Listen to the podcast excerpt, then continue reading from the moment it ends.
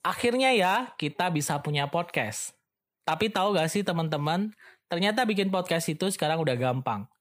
Kalian tinggal download Anchor di App Store dan Play Store kalian. Kalian bisa mulai record podcast episode pertama kalian langsung di aplikasi tersebut. Bahkan, kalian juga bisa edit podcast kalian langsung. Melalui Anchor Podcast, kamu akan didistribusikan ke podcast streaming platform seperti Spotify, Apple Podcast, dan lain-lain. Dan yang pasti, gratis. Yuk download aplikasi Anchor di App Store dan Play Store kalian atau kunjungi www.anchor.fm. Selamat bikin podcast! Halo semuanya, salam sejahtera ya. Kembali lagi ditanyakan dokter.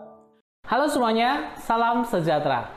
Buat Anda yang sedang hamil pastinya pengen sekali selama hamil tidak ada masalah. Tapi namanya orang hamil, terutama hamil-hamil masih trimester pertama, masih hamil muda, apalagi ini hamil pertama, ada aja masalah yang terjadi. Tentunya ini ada beberapa yang bikin kepikiran. Misalkan, di hamil-hamil ini kok saya mengalami ini ya dok? Ini bahaya nggak sih? Tentunya Anda harus mengenali beberapa masalah yang sering muncul saat hamil muda. Ini saya bahas untuk hamil trimester pertama dulu. Nanti kelanjutannya trimester kedua dan ketiga punya masalahnya sendiri. Saya akan bahas masalah-masalah yang sering muncul di hamil trimester pertama. Seperti apa yang normal dan seperti apa yang Anda harus hati-hati. Seperti apa? Yuk, simak terus.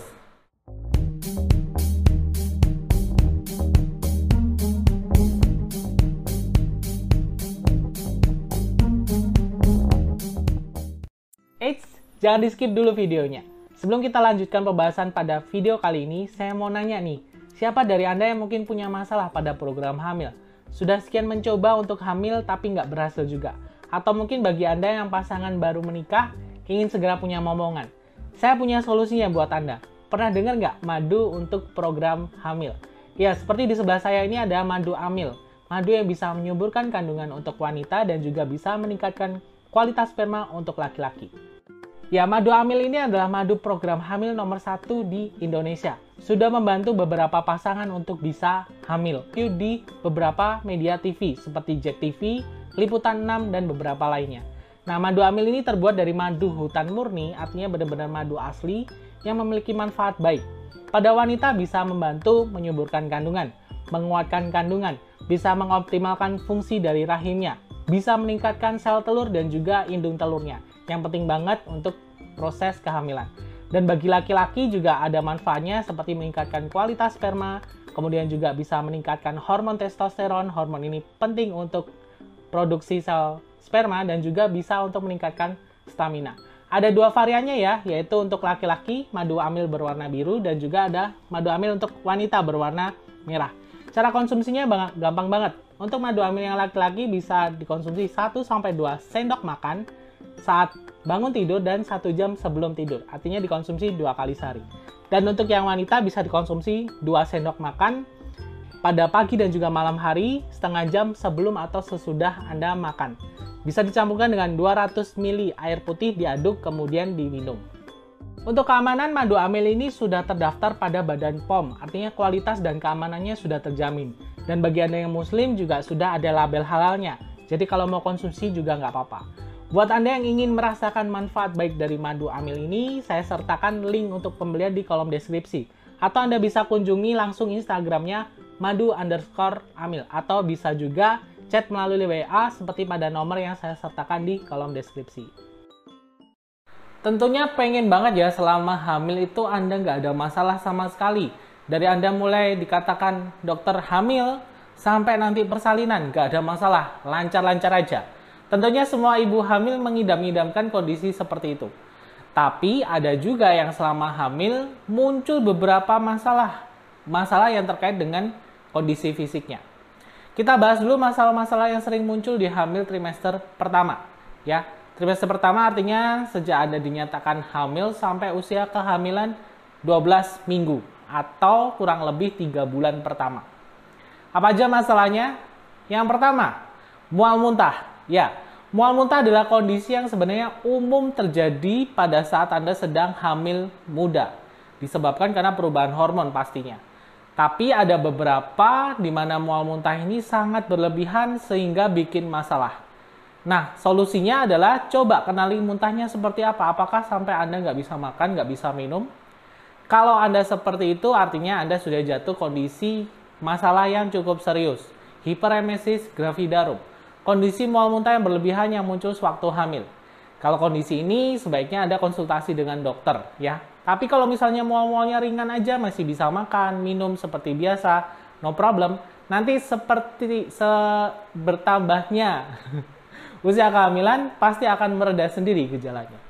Nah, belum selesai dengan mual muntah, ada juga yang di mana saat hamil muda muncul perdarahan. Akhirnya ya, kita bisa punya podcast. Tapi tahu gak sih teman-teman, ternyata bikin podcast itu sekarang udah gampang. Kalian tinggal download Anchor di App Store dan Play Store kalian. Kalian bisa mulai record podcast episode pertama kalian langsung di aplikasi tersebut. Bahkan, kalian juga bisa edit podcast kalian langsung. Melalui Anchor Podcast, kamu akan didistribusikan ke podcast streaming platform seperti Spotify, Apple Podcast, dan lain-lain. Dan yang pasti, gratis. Yuk download aplikasi Anchor di App Store dan Play Store kalian atau kunjungi www.anchor.fm. Selamat bikin podcast. Perdarahan ini kita bilang ada yang normal, ada yang enggak. Makanya harus hati-hati, harus dikenali. Contoh, misalkan selama hamil kok saya muncul flek ya dok, misalnya saya baru hamil sekian minggu, kemudian saya muncul flek. Ini bahaya nggak? Muncul fleknya cuma sekali aja. Tentunya ini kondisi yang masih kita bilang aman. Flek muncul saat hamil, terutama hamil muda bisa disebabkan karena penempelan bakal janin. Setelah dia dibuahi, terjadi terjadi pembuahan, kemudian nanti bakal janinnya ini dibawa ke rahim untuk tumbuh di sana. Nah, rahim itu sendiri sudah dipersiapkan, ada pembuluh darah yang cukup tebal di sana untuk bisa nempel di sana si bakal janinnya. Makanya kadang-kadang ada beberapa yang luruh berupa flek. Kalau flek seperti ini nggak ada masalah, biasanya satu atau dua hari aja. Tapi kalau fleknya terus-terusan atau mungkin Anda jadi kok kram perut, darahnya tambah banyak, itu tentunya harus dihati-hatikan. Karena bisa jadi kalau kondisi seperti ini, hamilnya ancaman keguguran, kandungan yang lemah, atau mungkin hamil kosong, macam-macam. Dikenali ya kalau flagnya cuma mungkin sehari dua hari oke okay lah no problem. Cuma kalau berlanjut sebaiknya diperiksakan nah lanjut lagi masalah yang sering muncul juga di trimester pertama adalah payudara jadi nyeri ya. Ini adalah sebenarnya kondisi normal di mana tubuh mengalami perubahan hormon. Kelenjar payudara ini mengalami peningkatan dalam hal jumlah dan juga volumenya. Sebagai nanti persiapan untuk bisa nyusui setelah melahirkan. Tapi beberapa di hamil-hamil muda ini sudah nyeri banget nih payudaranya, hormonnya sedang bergejolak. Ini tentunya juga bisa bikin masalah juga kalau nyerinya berlebihan. Solusinya adalah kenali dulu apakah nyeri ini disertai dengan benjolan misalkan di payudaranya atau kulit payudara tampak kemerahan. Jika iya, tentunya ini penyebabnya bisa lain dan ini berbahaya. Tapi kalau nyerinya nyeri ringan, nyerinya di kedua payudara, yang muncul ya oke okay lah masih bisa ditolerir ya. Mungkin ini adalah kondisi yang normal yang disebabkan karena gejala perubahan hormon sewaktu Anda hamil.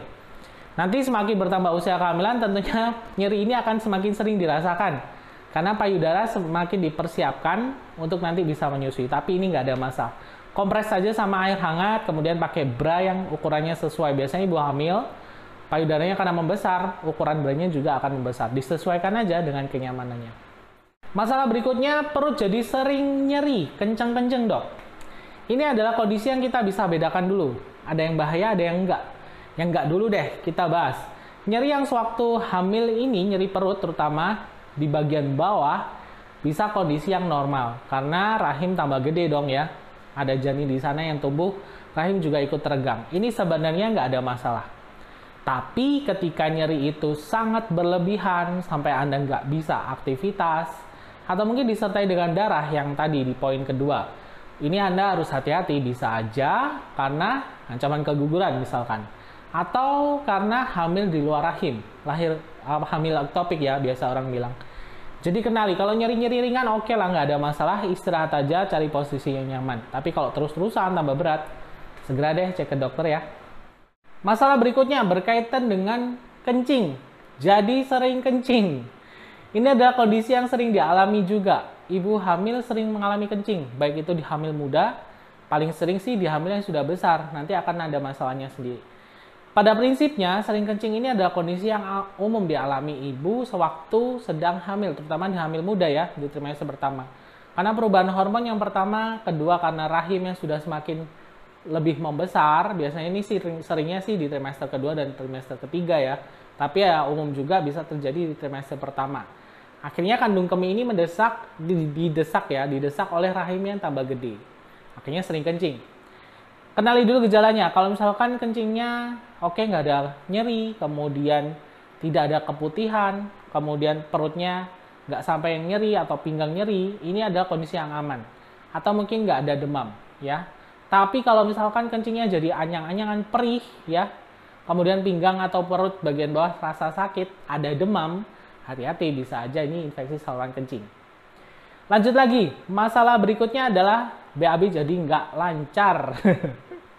sembelit pada ibu hamil sering sekali ya terjadi. Saya dulu juga pernah bahas soal sembelit ya. Jadi selama hamil ini ada peningkatan hormon progesteron yang menyebabkan pergerakan usus jadi melambat. Ibu jadi sering kembung, kemudian perutnya begah, BAB nggak lancar. Solusinya coba deh makan makanan mengandung serat yang lebih banyak. Bisa dari buah, bisa dari sayur, atau mungkin minum airnya lebih diseringkan. Ini membantu supaya kotoran Anda nggak keras ya, melembekkan sehingga nanti keluarnya lebih gampang. Nah, kalau misalkan kondisi yang lainnya ibu kondisi sembelit gak bisa kentut sama sekali kentut itu adalah suatu anugerah ya kalau nggak bisa kentut sudah nggak bisa BAB nggak bisa kentut ya sebaiknya diperiksakan ke dokter. Atau karena BAB-nya keras dipaksakan jadi berdarah itu juga harus hati-hati.